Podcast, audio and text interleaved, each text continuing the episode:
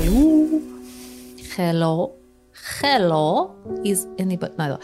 Um, ja, skal vi se. Vi prøver. Hei på deg, og velkommen til en ny episode av Nerve. Med meg, Tone Sabro. Det er som det pleier å være.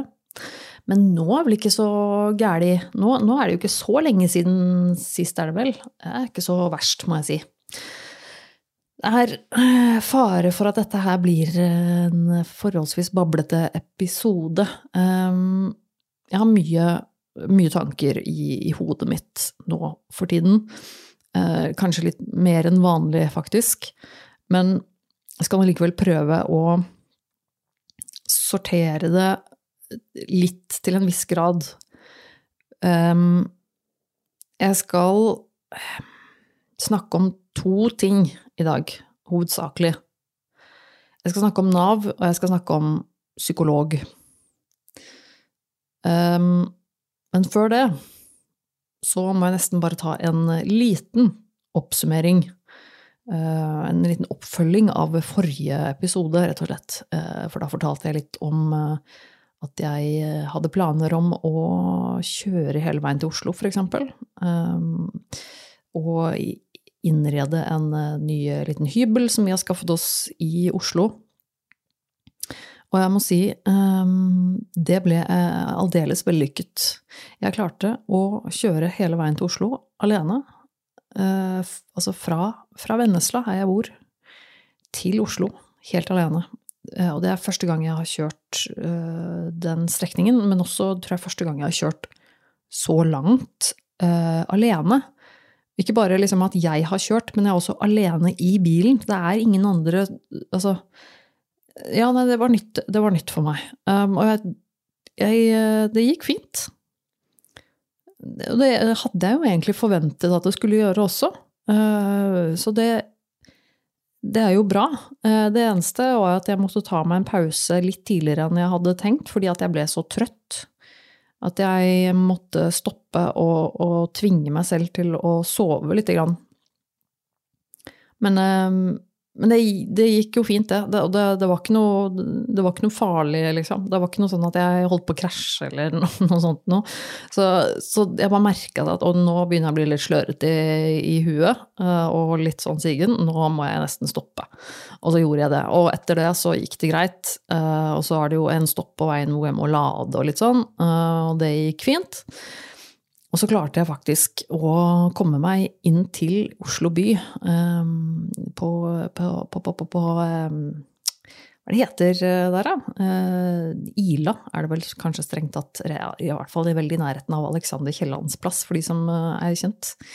I Oslo. Og det er jo ganske så sentralt, vil jeg påstå. Det å kjøre bil i Oslo sentrum er jo ingen spøk. Uh, og det er langt ifra morsomt. Uh, så jeg var litt nervøs for det, og også det at uh, jeg måtte finne en parkeringsplass rett ved der hvor hybelen er. Alt dette ordnet seg. vel å merke litt kåling med det parkeringsgreiene. for først så parkerte jeg et sted som viste seg å være ulovlig parkering. etter mye liksom fram og tilbake og flytting av den bilen og sånn og sånn, så fant jeg til slutt en plass hvor jeg kunne stå parkert hele helgen. Og det, det, det, var, så det var bra. Det var bra, rett og slett. Og um, etter uh, mye uh, Ja, nå ble, jo det en, nå, nå ble jo plutselig det en historie også, men, uh, men, så kom jo ikke de der møblene når de skulle komme. Vi hadde jo avtalt et leveringstidspunkt fra Ikea, og så klarer de å fucke opp det uten å gi beskjed til oss. Så jeg står jo der og skal motta disse møblene da, som ikke kommer. Eh, hvor de sier at nei, de kommer i begynnelsen av neste uke, og, da sier da min eh, samboer, som er den personen som har fått eh, ansvaret om å snakke med dem, det er han som står på bestillingen, osv. Um, han sier at det går svært dårlig, for nå står min samboer der uten et sted å sove i natt, så det funker ikke. Og mye fram og tilbake så viste det seg at nei, de får ikke til å levere disse eh, tingene. Blant annet altså da denne senga som jeg skulle sove i den natten. Eh, det, det, det, skjedde ikke. Det hadde de ikke mulighet til. De skulle få klare å få det levert dagen etter. Og så eh, skulle jeg få lov til å ta inn på et hotell. Som de skulle betale for. Uh, og det er jo greit nok, det. er Litt sånn dritt med at jeg må da dra med meg alle tingene mine ned alle trappene, og jeg hadde jo også en hund. jeg hadde jo også en liten hund som jeg måtte styre med. Um, men jeg fikk nå i hvert fall styra med dette, når pakka opp ned og ut med hunden og ned trapp og, og sånn.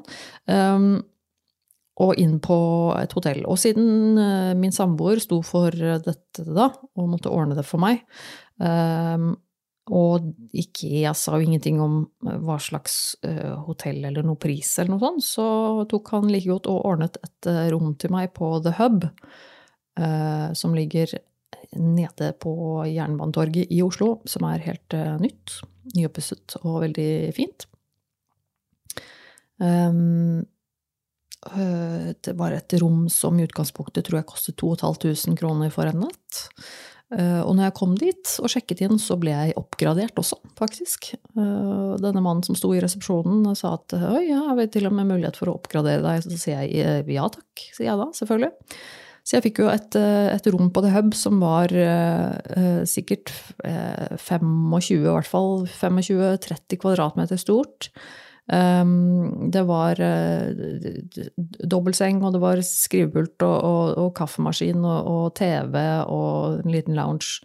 Og balkong. Privat balkong. Så jeg fikk jo uh, et kremrom, vil jeg si. Uh, det må jo ha vært et av de bedre rommene, som ikke er en suite. Men, men altså, det, det, var helt, helt konge. Så der skulle jeg få bo sammen med min lille firbente datter. Eh, en natt. Eh, og det, det, klarte jeg fint. Eh, det skal, det skal jeg påstå. At det, det, det, gikk greit å bo der, ja. Til og med var det utrolig fint vær og deilig, så jeg det, var et lite eventyr der og da, hvor jeg satt i sola på min private balkong midt i Oslo sentrum på The Hub med, med, med kaffe og, og, og bare nøt sola og utsikten. Det var ganske formidabelt. Så jeg må si um, det var litt sånn uh, hell i uhell. Um, det var et enormt eh, stress og slitsomme greier hele den dagen der. Og så fikk jeg et greit plaster på såret med det, med den, med det rommet på The Hub. Så etter mye om og men, tydeligvis, holdt på å si, så, så kom da disse møblene, da dagen etterpå. Og de ble levert, og de ble båret opp alle etasjene med trapper og eh, lempet inn i denne bitte lille hybelen. Og eh, jeg koste meg med å sette sammen møbler og Ja da. Så det, det gikk eh, til slutt fint. Jeg fikk innredet denne lille, lille, lille, bitte, bitte lille hybelen. og det ble veldig koselig, faktisk. veldig fornøyd med det. Og jeg må, kjenne, jeg, jeg må si at jeg, jeg kjente veldig på det å ha et sted i Oslo igjen uh, som føltes litt hjemme. Uh, det, var, det er jo en egen følelse, det å ha noe som er litt eget, selv om det er på en måte bare en bitte liten hybel som vi leier. Eh, så var det jo en, en, veldig god følelse. Her kan vi liksom legge fra oss noen faste ting. Her har vi et fast sted å være hver gang vi er i Oslo. Um, slipper å booke hotell, slipper å, å, styre og tenke på det. Og så kan vi dra inn, dra inn, der og bo der når vi vil, for den, den, står der jo bare og er vår så lenge vi leier den. Og det er veldig, veldig deilig. Um, så etter, etter, den helgen der uh, så kjente jeg nok på en deilig mestringsfølelse, må jeg si. Det var nok en, en um, ja, det var, en, det var, en, god helg. Og selv om det var mye, mye styrete greier altså jeg måtte, Det var mye handling og ut ute i butikker og bæreposer og alt mulig, og uh, kjøpe inn ting man trengte til, til en hybel av uh, alt mulig basic stuff. Men det var, det var hyggelig. Um, og ikke minst så hadde jeg selskap av en, av en veldig snill og hyggelig venninne som jeg har i, byen, som uh, hjalp meg litt. Um, så det, det, ble fint. Det ble, det ble bra. Jeg er jo eh, Ok, til, til problemet. Til første, første, tema for dagen, eh, som eh, vi da ble enige om at skulle være Nav. Det er jo et artig tema, eller hva? Det føler jeg at det er sånn vi kan snakke om i det, det, kunne jeg laget en egen podkast om. bare issues med Nav. Det er jo alltid hyggelig. et øyeblikk her. Måtte bare ha meg en uh, liten slurk her. Jeg eh, har jo slitt hele mitt eh, voksne liv med psyken min. Egentlig hele mitt eh, liv siden jeg var ungdom, vil jeg påstå, har jeg hatt vanskeligheter med min psykiske helse. Og det har jo hatt, eh, gjort at jeg har store utfordringer med, med jobb og karriere. Det har vært eh, vanskelig for meg, rett og slett. Og eh, opp gjennom eh, ja, disse årene så har jeg hatt mye med Nav å gjøre. Og det Jeg skal ta den korte versjonen. Det, det har vært ganske kjipt. Men nå står jeg midt i arbeidsavklaring, som det så fint heter. Og planen er at Beklager at det går litt treigt nå, men nå, nå, kverner det liksom i toppen min samtidig som jeg snakker.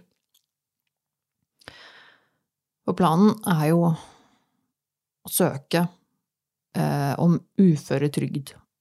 For nå, etter mye om og men, eh, frem og tilbake, mange år med, med, jobb og diverse jobber, forsøk på jobb, sykemeldinger. Det er utrolig vanskelig for meg å finne en jobb som funker i lengden.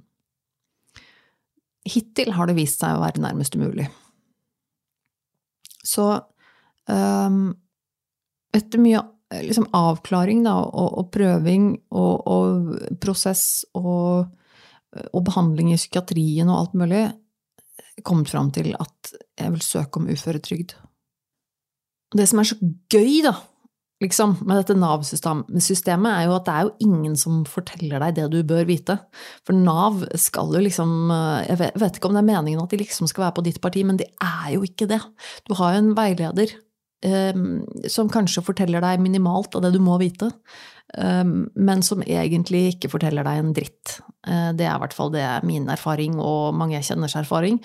Eh, for, for, det er jo et helt system du skal bli klok på. Egentlig så trenger vi en egen eh, kursing i hvordan å være, hvordan å være naver. Hvordan å nave riktig. Bør være et fuckings kurs. For det er et system som er så kronglete og jævlig at det er eh, Det er nærmest umulig eh, å, å vite.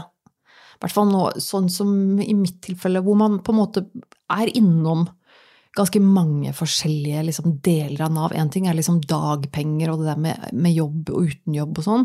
Det er liksom ett kapittel. Og så har du ett kapittel med, eh, med liksom sykemeldinger og, og lang tid med det og ditt og datt. Og så er det arbeidsavklaring. Eh, og, og uføretrygd og sånn. Det er på en måte enda et nytt kapittel igjen. Og det er ikke um, jeg blir, jeg blir, aldri utlært på dette her, eh, kjenner jeg. Eh, på dette Nav-systemet. Eh, og kanskje har du flaks og får en veileder som faktisk forteller deg alt det du trenger å vite, og som faktisk hjelper deg på veien og forklarer ting på en måte så du skjønner det. Men det skal du ikke ta for god fisk at du får. Og det tok det, det, det det som er litt eh, Ja, det som er min situasjon nå, er jo at jeg eh, har sittet i, i, i og kommet fram til uh, til slutt nå at jeg skal søke arbeids... Nei, uføretrygd. Uh, og det er jo sånn at hvis du søker uføretrygd, så går det an å være uføretrygdet på på fulltid, altså 100% uføretrygdet. Men det er også noe som heter gradert uføretrygd. Altså at, la oss si at du, du, kan jobbe en dag i uka eller to, kanskje, da. Man er etter en stund er kommet fram til at jo, du kan jobbe, men du kan ikke jobbe så mye. Og da går det an å søke f.eks. å få uføretrygd 60% øh, og så kan du jobbe 40% f.eks. Um,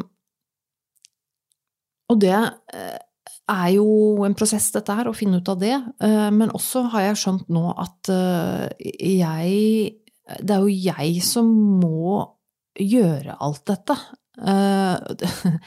Dette høres kanskje helt det, det, høres kanskje veldig enkelt og banalt ut, dette her, og, og veldig sånn enkelt, og ja, selvfølgelig må du ordne, men, uh, men, men det er det ikke. For, for, når du sitter der og er i et system, du har fått en veileder som skal hjelpe deg, uh, så har man jo en tendens til å tenke da at denne veilederen uh, vil jo fortelle meg hva jeg skal gjøre. Vil jo naturlig nok ha peiling på systemet og hvordan det funker, og er der for å hjelpe meg. Og er der for å vite hva som er best for meg. Men det er ikke tilfellet bestandig. Ehm, så i dag, etter et møte med en eh, jobbspesialist i Nav, som jeg har eh, vært på møte med en del ganger, som hennes, hennes jobb er å finne en jobb til meg, ehm, som vi begge sitter og ler litt av, fordi vi vet jo begge to at det er det er eh, mildt sagt en utfordring med, med, alle de kravene som på en måte må være på plass for at det skal funke for meg, så er det på en måte Det er, det er, det er ikke bare bare å finne den jobben. Egentlig nesten umulig. Uh, og det er vi innforstått med begge to. Uh, men det er jo dette med at jeg er i en prosess med å søke arbeids, nei, uføretrygd osv. osv. Men i hvert fall, hun viser seg at har jobbet som veileder tidligere, hun i Nav. Så helt, uh, helt tilfeldig, egentlig, bare fordi hun også interesserer seg litt i meg og min sak og hvordan det går og sånn, så, så kommer det frem en del tips i dag fra henne om, og opplysninger egentlig om min prosess som jeg egentlig ikke har forstått før nå. Nettopp dette her med at øh, At det er jeg som må gjøre dette. Det er jeg som må overbevise Nav om at de skal gi meg uføretrygd.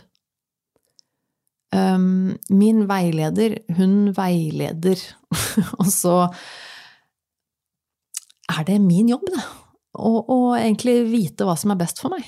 Og egentlig min jobb å skaffe dokumentasjon. Min jobb å, å vite hva som kan være lurt for Nav å vite for at de skal innvilge eh, vedtaket som jeg vil ha, og det vedtaket jeg søker om, som altså er uføretrygd. Så i dag, etter å ha jobbet, etter å ha snakket med hun eh, jobbspesialisten, så kommer det jo fram øh, ganske mye som jeg bør gjøre for min egen del. For at jeg skal overbevise Nav om at de bør innvilge dette vedtaket jeg søker om, så er det i min egen beste interesse å um, gjøre en del. Skaffe en del dokumentasjon. Og dette var i utgangspunktet noe jeg ikke tenkte på. Um, jeg, jeg, visste ikke det. Jeg uh, hadde ikke tenkt så langt. Det er ingen som har sagt det til meg. Uh, og det er jo en, det er jo en jobb hele dette opplegget her med, med dette systemet som man må, må inn i. Og, og, selvfølgelig er jeg veldig takknemlig for at Nav fins, for at det fins et, et, et sånt system i vår velferdsstat som gjør at jeg kan få støtte fra staten selv om jeg ikke kan jobbe. Det er jeg kjempeglad for. Selvfølgelig. For det er, ikke, det er jo ikke en selvfølge. Det er jo ikke alle land som har det, og det er jeg takknemlig for. Eh, men når jeg først sitter i det, så er det jo ikke til å skyve under en stol at det er ikke bare bare å forholde seg til dette systemet. Og det er et forbanna innviklet system, eh, og det er et, eh, det er ett system som er utviklet for, for å passe alle i enhver livssituasjon. Og det er, det er, nesten ikke mulig uten at det blir, uten at det blir utrolig komplisert, for alle er så forskjellige. Alle situasjoner er forskjellige, men du skal likevel inn i ett system. Og det er det, Ja. Uansett. Um, så jeg fikk plutselig veldig mye å tenke på i dag. Jeg må, må kontakte min tidligere arbeidsgiver. Uh, og jeg må kontakte legen min, og jeg må, jeg må skaffe både det ene og det andre, og, og, og skjønte at ok, men for denne søknaden her, den søknaden jeg på en måte skal fremme til Nav om uføretrygd, den er det jeg som må sende. For det er ikke sånn at, at min veileder i Nav på en måte hjelper meg gjennom det og samler inn ting og sier hva jeg skal, hva jeg skal gjøre. Eh, og, og, på en måte trykke på knappen for meg og, og, og, snakke med Nav for meg, holdt jeg på å si, og søker Nav for meg. Det er ikke sånn. Um, jeg, må jo, jeg må jo gjøre det selv. Jeg må sørge for at jeg legger frem dokumentasjon som underbygger mitt argument for hvorfor de burde gi meg uføretrygd. Uh, og jeg eh, bør liksom skjønne selv hva slags dokumentasjon det er, tydeligvis. Om å legge fram det, sørge for at jeg, har, jeg, får tak i det og gi det til Nav, og, og faktisk også, etter det, eh, på en måte fysisk trykke på den knappen som heter søk for det er også noe jeg må gjøre. Det er ikke sånn at Nav på en måte ordner Altså, det er Og uh, igjen, dette høres nok Jeg aner ikke. Ja, det, det, kan godt hende at det høres helt absurd enkelt og banalt ut for alle de som er utenfor dette systemet, men men det, men det var, det var helt uh, avgjørende for meg, tror jeg, at jeg fikk den tilfeldige informasjonen i dag. At det var et menneske fra Nav som egentlig skulle gjøre en helt annen jobb sammen med meg, eh, bare viser seg at hun er litt interessert, og viser seg at hun har tidligere erfaring, eh, og bare valgte å, å, å hjelpe meg og gi meg noen gode råd og tips på veien. Um, for det var egentlig ikke hennes jobb i det hele tatt å, å fortelle meg de tingene. Og det er um, ja, nei, eh, det Nav, altså. Det, det er et eventyr. Det, er, det, er ikke, det, det slutter aldri å, å, å, forbløffe, overraske og sjokkere og i det hele tatt. Det er um... Nei. Og så er jeg litt redd for at det Jeg er litt redd for at det høres ut som At jeg høres nå ut som en litt sånn uh, bortskjemt, privilegert eh,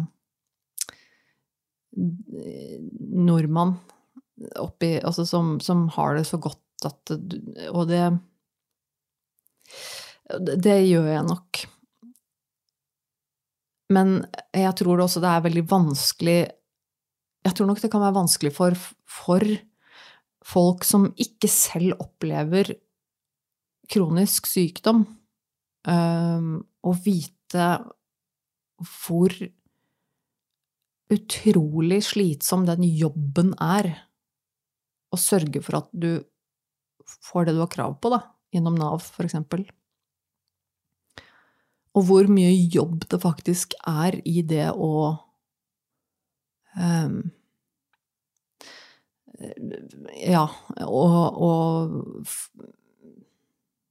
være i, det, i et sånt system hvor, hvor mye det faktisk krever av, av, meg, og hvor mye det tar på, da. Um, og det, jeg, jeg, skjønner jo selv òg at at at det kan høres litt absurd ut. For det er jo et system som er der bare måte, for å hjelpe meg og støtte meg og sørge for at jeg ikke havner på gata, uh, basically. Uh, men, men, likevel så er det en jobb i seg selv. Å være Nav-pasient, holdt jeg på å si. Um, så Og jeg um, møter jo meg selv litt i døra også. Når jeg plutselig nå på en måte er blitt en sånn som skal søke om uføretrygd. Jeg har jo tenkt på mennesker som søker om Som mennesker som er på uføretrygd. Da, da tenker jo jeg at det er mennesker som Eller har i hvert fall tenkt det før. Jeg tror jeg har hatt et inntrykk av at, at, at det er mennesker som har eh, store eh, utfordringer Altså sånn da ser jeg for meg et menneske som, som, kanskje har måte kroniske skader, for eksempel. Altså som ikke kan gå, eller som uh, uh, har um, utviklingshemninger, eller uh, Altså, jeg, jeg, vet ikke. Jeg vet ikke egentlig hva jeg ser for meg. Men, men jeg så jo ikke men, men jeg trodde ikke det var folk som meg. Jeg har på ja, det er litt sånn um, Og jeg, selv om jeg vet at jeg aldri har vært et uh, holdt jeg på å si friskt menneske i gåseøynene, for jeg har jo som sagt slitt med psyken min uh, stort sett hele livet mitt. Men likevel så har jeg jo vært på en måte i gåseøynene oppegående, da. Fordi at jeg har jo hatt en jobb nesten bestandig har jeg jo hatt altså Selv om det har ikke vært uten problemer, så er det på en måte at jeg har klart meg, da, på en måte. Jeg har jo hatt en jobb, jeg har hatt en inntekt, jeg har hatt eh, fast forhold, jeg har til og med klart å giftet meg og skilt meg. Jeg har, har en hund, jeg har eh, en bil og et hjem, ikke sant. Og det er på en måte noe med eh, at, at det har jeg jo klart å få til, og da da er jeg vel um, Da kan jeg vel ikke være syk. Men jo, jeg er jo det likevel. Og man kan jo ikke Det er jo selvfølgelig en klisjé, man kan jo ikke se på folk om de er syke eller ikke, nødvendigvis. Og det, det, vet jeg jo selv også, men det er noe med at jeg, jeg, hadde, jeg har jo aldri jeg, jeg, tenkte Jeg trodde ikke jeg skulle håper å si, havne, havne der. Så må jeg jo innrømme at det, det, kjennes jo Det kjennes jo som et eh, nederlag. Det kjennes jo kjipt. Jeg måtte gå til det skrittet. Søke om uføretrygd. Det er ikke noe jeg sier med stolthet, liksom. Det er det ikke. Det kjennes ut som jeg er en taper. Og det er litt dritt å si det, for jeg For jeg kjenner jo folk som, som er uføretrygdet av diverse årsaker, og det er jo ikke tapere. Det er jo overhodet ikke tapere. Det er jo ikke mindreverdige mennesker, det er jo ikke talentløse mennesker, det er jo ikke dårlige mennesker. Og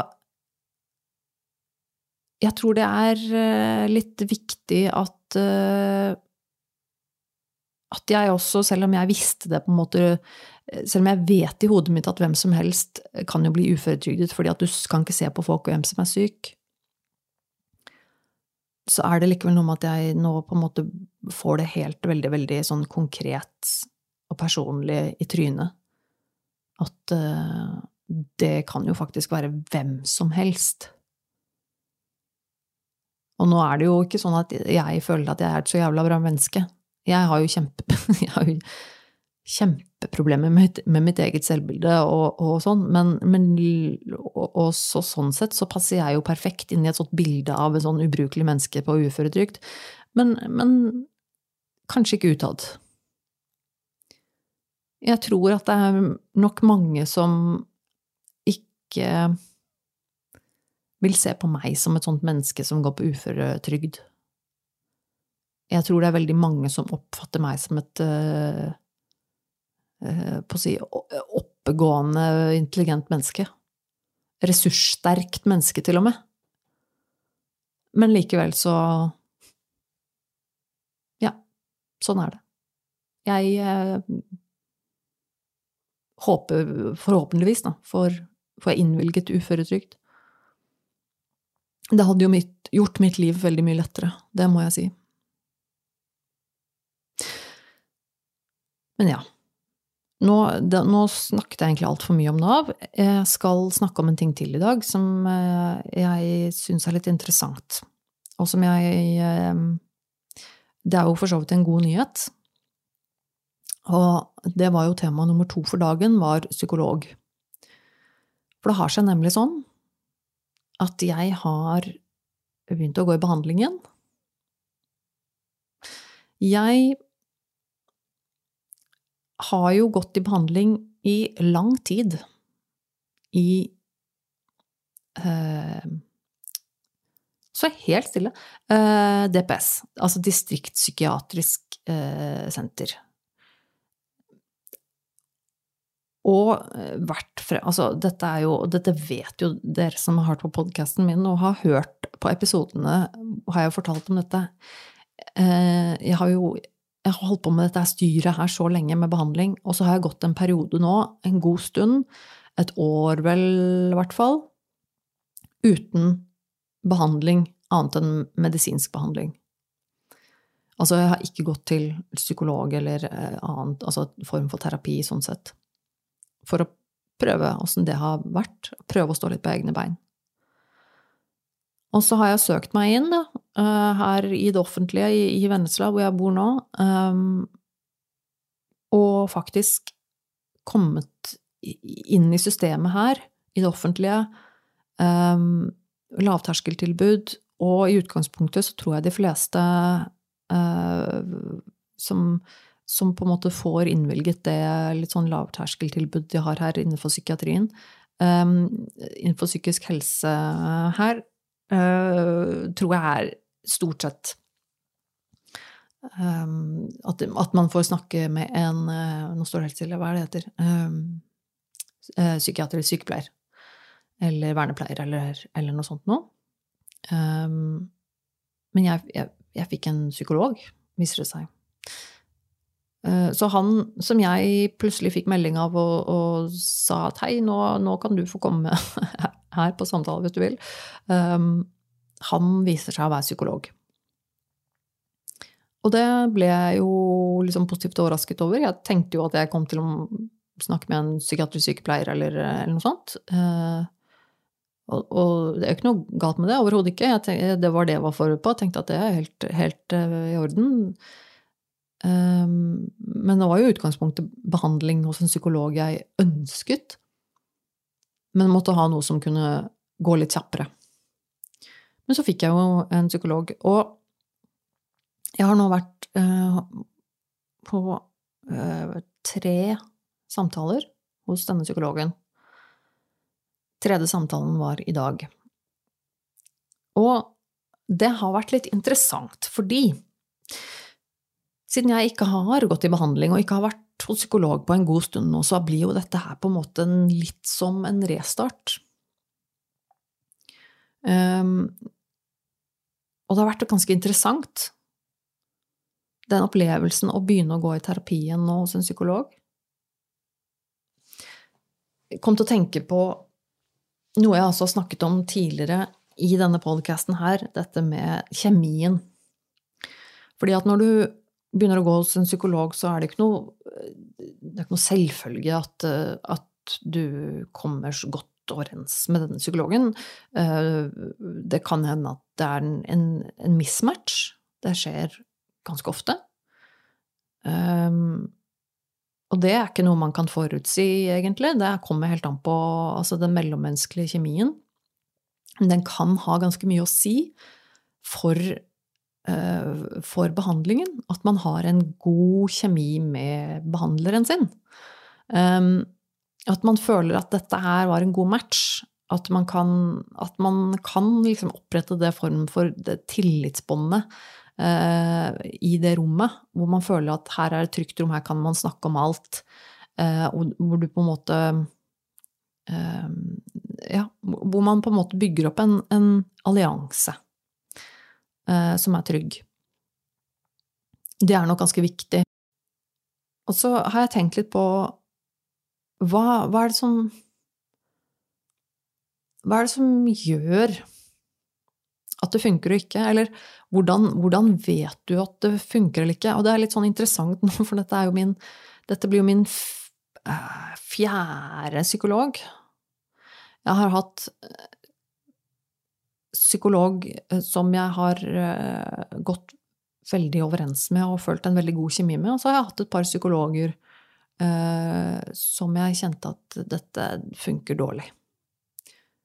Eh, og de to siste psykologene jeg hadde på DPS, som var, var de to siste jeg eh, hadde, de to forrige, var altså sånn, litt sånn Nei, dette er, er Dette jeg vet ikke. Du, du, føler ikke den der kjemien. Det er ikke en person du på en måte har lyst til å snakke med.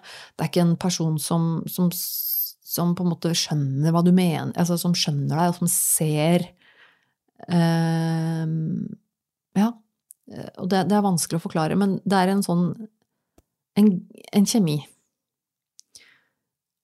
Og jeg merket at eh, nå begynte jeg hos en ny psykolog, aldri snakket med vedkommende før. Eh, og da kan det jo Det kan jo gå holdt opp si alle veier. Eh, og jeg merker at det er en god kjemi med denne psykologen. Jeg tror dette er en match, og det um, er jeg veldig glad for. Og så begynte jeg å tenke litt sånn, ok, hvordan, hvordan merker jeg det? Og det er litt sånn rart, fordi at jeg, jeg, ehm, jeg merker at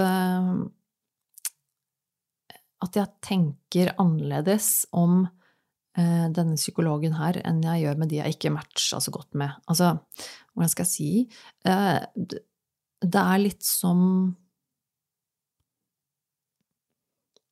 Det er litt sånn rart, fordi at det er eh, Hvis ikke du har hvis ikke du noen gang har vært i terapi eller gått til en psykolog og hatt den kjemien med noen, så tror jeg det er veldig vanskelig å egentlig skjønne hvordan det føles. Fordi at det det er, litt som om du bare plutselig blir glad i noen. At uh, For dette er jo ikke en person jeg kjenner. Dette er en person jeg nå har truffet tre ganger. Men jeg merker at det er litt som å tenke på en person jeg er glad i. Når jeg tenker på psykologen min, så får jeg litt en sånn følelse som jeg får når jeg snakker om eller tenker på noen jeg er glad i. Noe som jeg kjenner godt. Um, og det, det, er litt sånn rart. Fordi at, som sagt, jeg, jeg kjenner jo ikke vedkommende, egentlig. Jeg vet eh, tilnærmet ingenting om, om psykologen min. Det eneste jeg vet, er jo det vi snakker om, og da snakker vi jo om meg. Vi snakker jo om mine tanker og følelser når jeg er der. Og likevel så er det blitt en person som jeg nå kjenner etter tre ganger at det er liksom det er nesten en sånn følelse at man er glad i vedkommende. Og det, det, er, eh, det er rart. Det føles litt, det føles litt absurd. Um, og jeg tror det er et, eh, et godt tegn. Jeg tror det er et godt tegn. Jeg tror det er en fin, en fin greie uh, å ha en sånn, en sånn type relasjon. Jeg tenker at det er ehm, et godt utgangspunkt for et terapi, terapiforløp. Men så er det også sånn at ehm, ja, altså som sagt, det kan, det kan, For det kan, kan, gå andre veier. Det kan også gå sånn at man på en måte ikke Jeg har jo tenkt det med tidligere psykologer. Jeg kan sitte der, og så kan jeg irritere meg litt over vedkommende, eksempel. Jeg kan uh, tenke at jeg syns det er åh, åh, et ork, liksom. Hvorfor skal, jeg, hvorfor skal, jeg, snakke med deg? Du skjønner jo ikke Du skjønner ikke hva jeg mener. Du, nei, jeg, jeg, føler ikke at du egentlig ser, ser meg ordentlig, eller skjønner greia mi, liksom, eller uh, Det kan være litt sånn irritasjon, eller det kan være bare litt sånn sliten. At jeg blir litt sånn Eh, ikke nødvendigvis at jeg blir sliten av samtalene, for det kan man bli uansett om, om, det er en god match eller ikke. For det er jo tross alt en, en, en jobb, holdt jeg på å si. Um, men um, Men at det er ikke Ja, det er ikke den kjemien der. Og på den annen side så har jeg også opplevd det rake motsetningen, altså. Um, hvor det nesten er for mye av det gode. Eh, hvor du får en, en sånn en sånn kjemi med psykologen din at du føler at du ikke klarer deg uten vedkommende. At du blir nesten eh, At du blir nesten uh, for, for, for, glad i personen, eller nesten at man kan kjenne at man ikke ikke forelska, men at man har den, uh, den type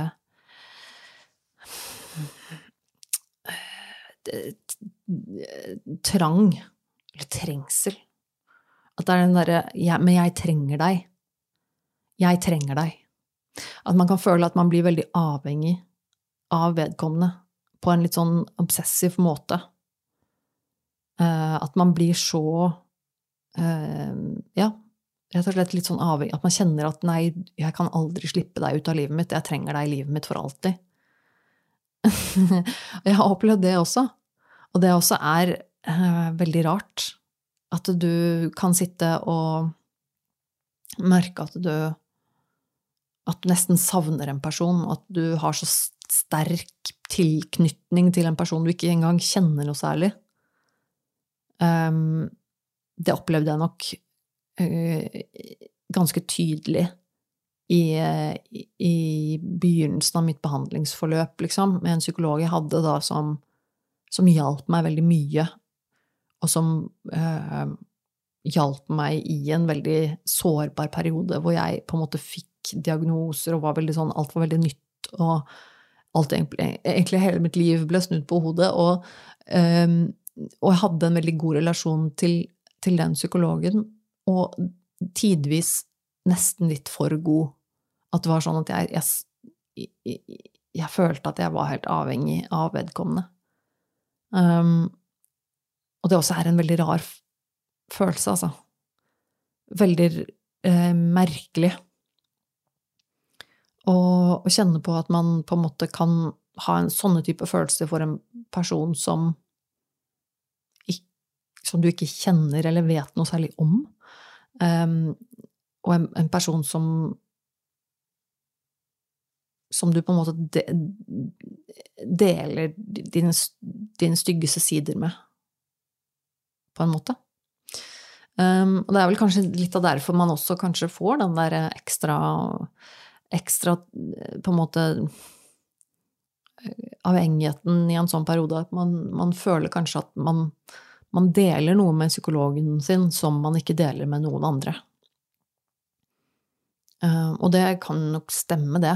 Altså, selv om jeg har en samboer som jeg kan snakke med om alt mellom himmel og jord, så snakker jeg på en annen måte med psykologen min enn jeg gjør med samboeren min.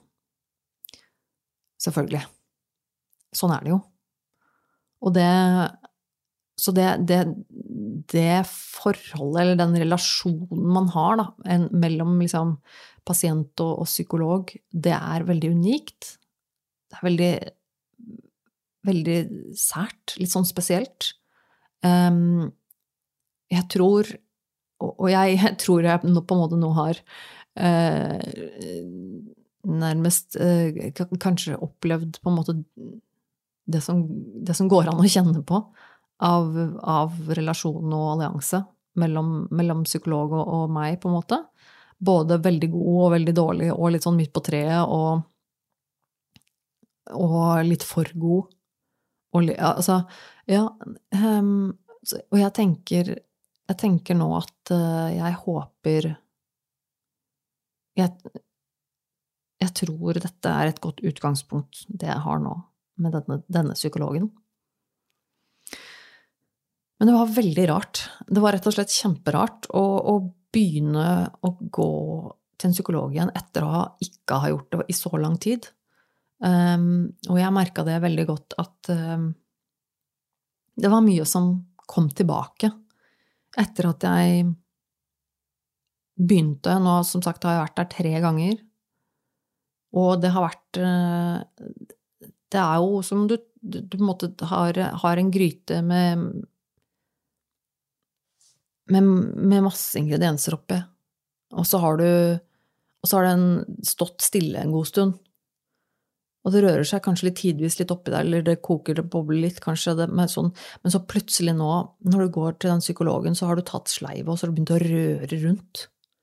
Og det er veldig mye som skjer. Det er mye som vekker mye, mye rart som kommer fram. Som, som, på en måte har ligget nedi der, men som ikke har vært eh, hørt eller sett på en stund. Og det, det er eh, Det er jo akkurat sånn det, det er jo sånn det føltes også første gang jeg gikk til psykolog. Aller første gangen, liksom. Eh, og det er litt sånn det er litt sånn nå. Det føles litt som om jeg er tilbake. Og det er både på godt og vondt. Eh, for jeg, jeg kjenner jo at etter første timen, etter aller første timen jeg hadde med psykologen nå denne runden, så kjente jeg at det var, at det var godt. Da gikk jeg derfra med en, en god følelse og tenkte at ja, det var sånn det var, ja. Mm, ja, så fint. Han, han, spør jo om sånne ting som å få meg til å snakke om ting eh, på en litt annen måte, og, og, få meg til å snakke om ting som jeg bare har inni hodet mitt. Og det å si ting høyt er noe helt annet enn å bare ha det i tankene, og du formulerer ting på Ja, det var sånn, ja, det var sånn det var, ja, men det var litt fint. Ja, nå var det mange ting som på en måte dukket opp, og jeg tenkte på og så gikk jeg derfra og tenkte at, eh, at, at det føltes fint og godt og positivt. Og så, etter time nummer to, så fikk jeg en litt annen reaksjon, for da, da hadde vi allerede på en måte begynt å røre opp litt i ting, og da hadde jeg tenkt på ting siden sist. Og da jeg kom dit da, så ble det til at vi begynte å ta tak i litt ting som var vanskelig. Av de tingene som plutselig hadde bobla til overflaten da, så, så, begynte det plutselig å komme fram noen ting som var litt vanskelig. Og litt vondt, kanskje. Og, og, og, så begynner man på en måte kanskje å ta litt tak i det. Og da gikk jeg derfra etter forrige time og kjente at nei, dette her er vondt og tungt og åh, nå kommer alle disse Nå kommer alt dette her igjen. Nå, er, nå, er, nå kommer det der igjen. Det der, de der følelsene og de, alle de der tankene og alle de Å ja, det var sånn det var. Uff, nei. Og nå, nå, kommer liksom alt tilbake. Og, og det føltes veldig, veldig øh, vondt og, og, tungt. Og det merka jeg nå siden forrige Siden liksom til, til, i dag, fra forrige time jeg var der, så har det vært litt sånn Da har det vært mye, mye negativ Altså mye, mye vondt Mye, ja, mye vondter. mye som eh, har vært vanskelig. Og mye, mye tyngde. Um, og timen i dag Jeg har også vært hos han i dag, og jeg kjenner at mye Og det er liksom jeg sa til samboeren min nå etter at etter at vi traff hverandre etter timen og, og, sånn, og så er det liksom litt sånn eh, På godt og vondt, men eh, jeg som på en måte har gått til psykolog og gått i behandling så lenge tidligere Altså, jeg har gått i behandling i flere år, og jeg har lært så mye, og jeg kan så mye liksom, om meg selv og om prosesser, bla, bla, bla, ditt og datt. Uh, så etter hvert så kanskje man får en sånn innstilling om at liksom, ja, men hva skal Gå til psykolog igjen, liksom. Ja, men det, ok, det, been there, done that. Hva skal vedkommende fortelle meg som jeg ikke vet fra før av, liksom? Um, ikke at jeg er så arrogant, men, men det er litt den følelsen at liksom Ja, men hjelper det, da? Jeg kan jo dette, liksom. Um, hvor jeg da går til psykolog igjen, og så, og så plutselig oppdager jeg at uh, nå sitter psykologen min og sier noe som jeg ikke har tenkt på.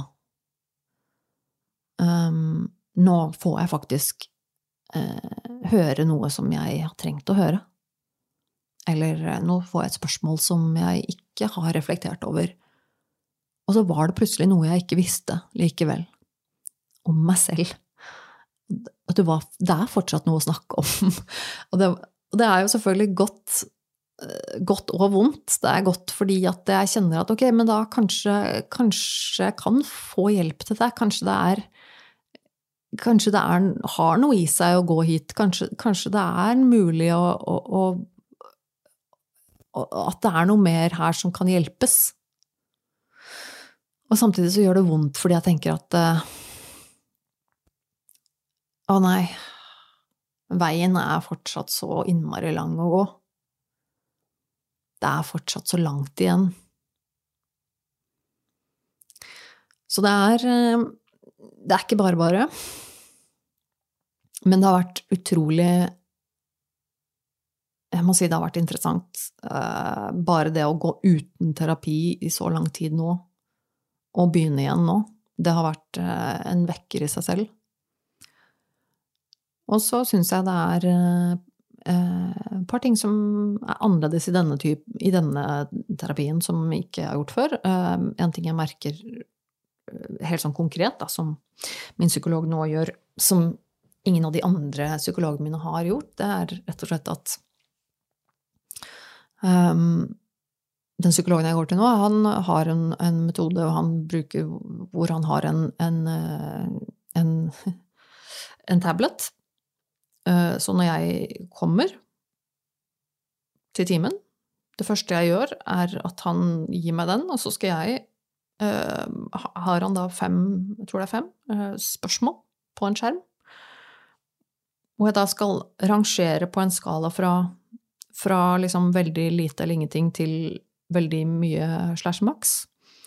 Disse spørsmålene hvor da for eksempel spørs, Spørsmålet er hvordan har jeg det med meg selv? Og så skal jeg rangere det fra liksom, veldig lite til veldig stort. Hvordan har du det med deg selv i dag? Hvordan har du hatt det siden sist? Hvordan er, dine, hvordan er forholdet liksom med relasjoner eller de kjente og kjære?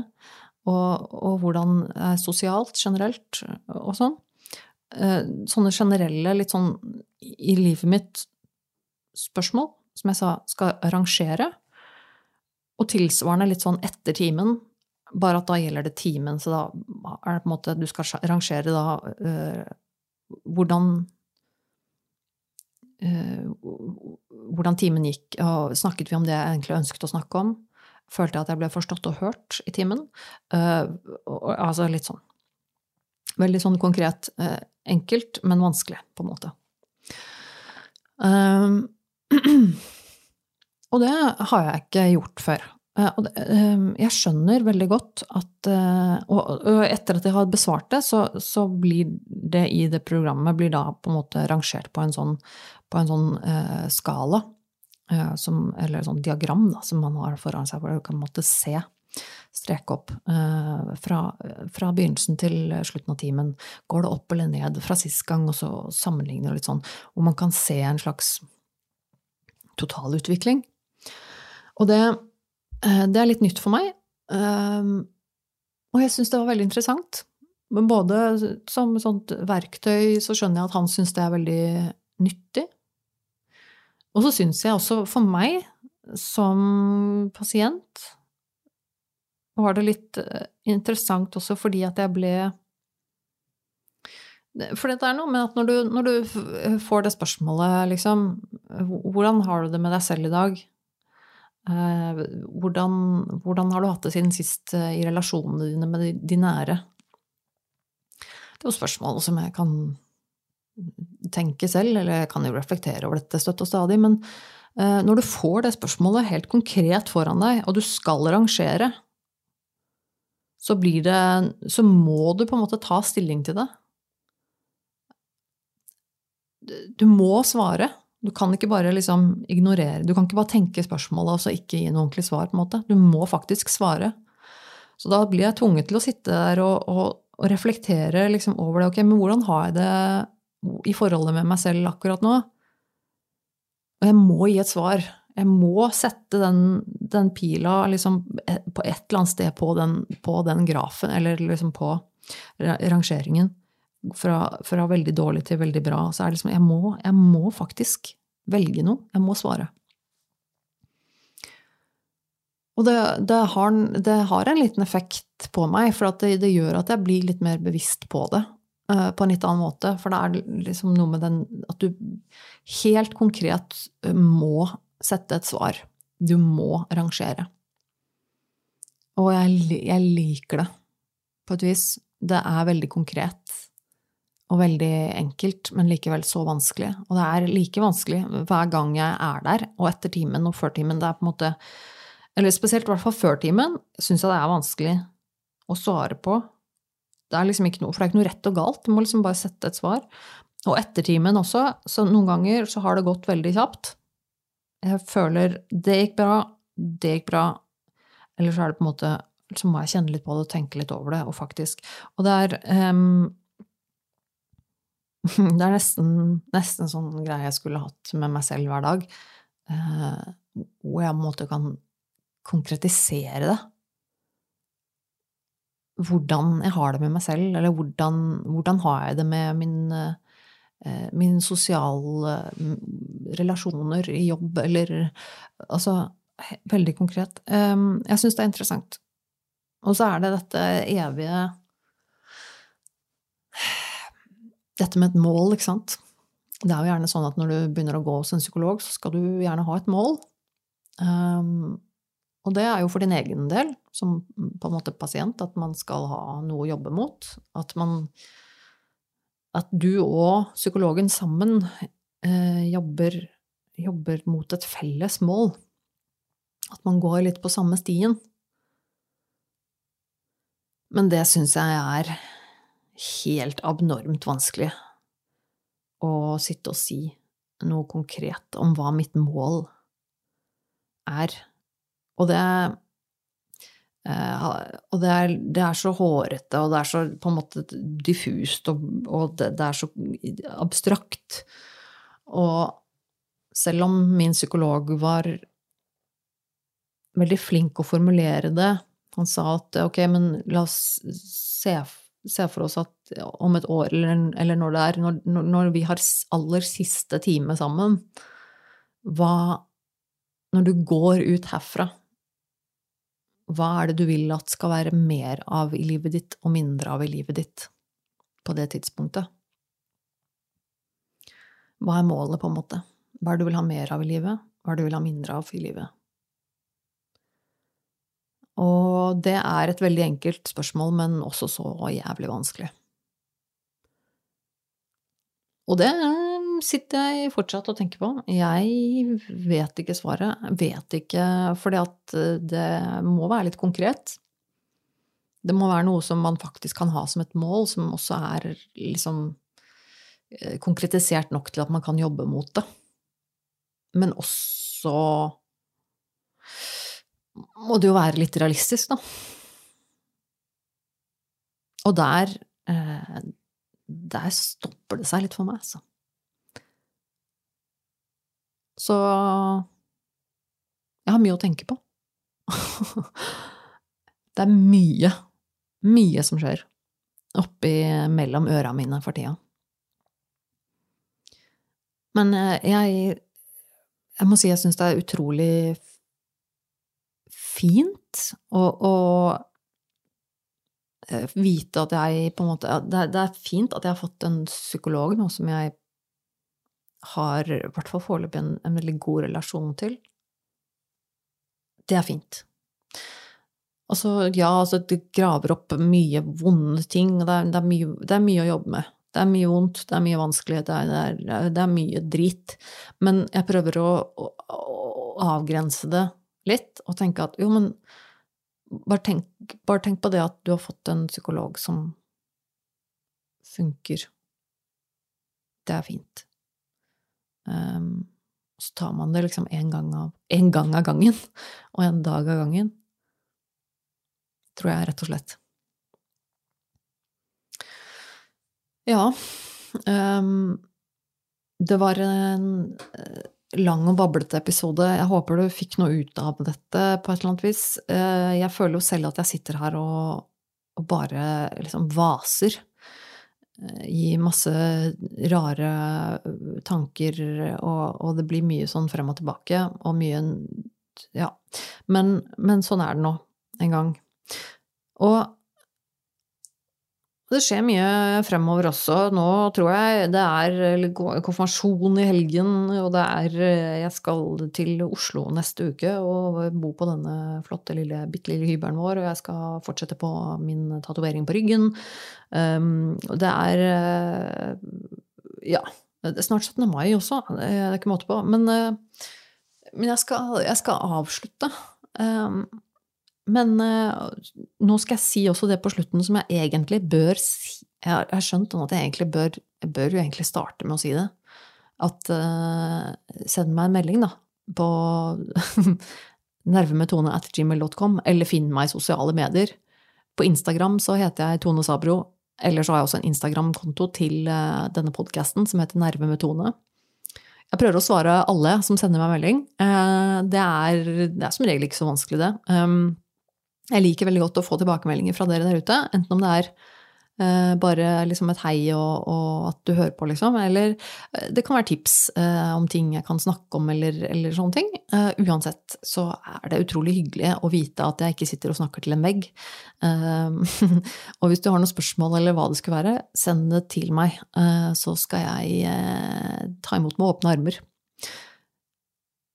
Og så har jeg eh, også denne YouTube-kanalen min, da, som jeg jobber eh, og jobber, jobber, jobber med uh, å, få til å bli noe.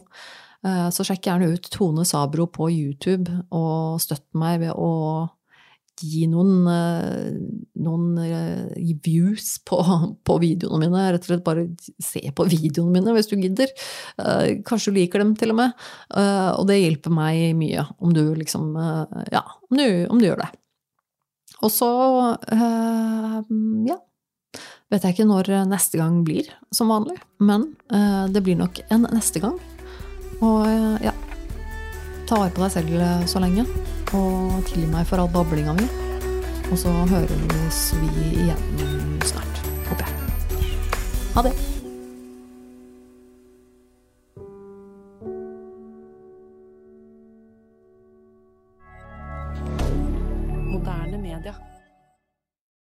Har du et enkeltpersonforetak eller en liten bedrift? Da er du sikkert lei av å høre meg snakke om hvor enkelt det er med kvitteringer og bilag i fiken, så vi eh, gir oss her, vi. Fordi vi liker enkelt. Fiken superenkelt regnskap.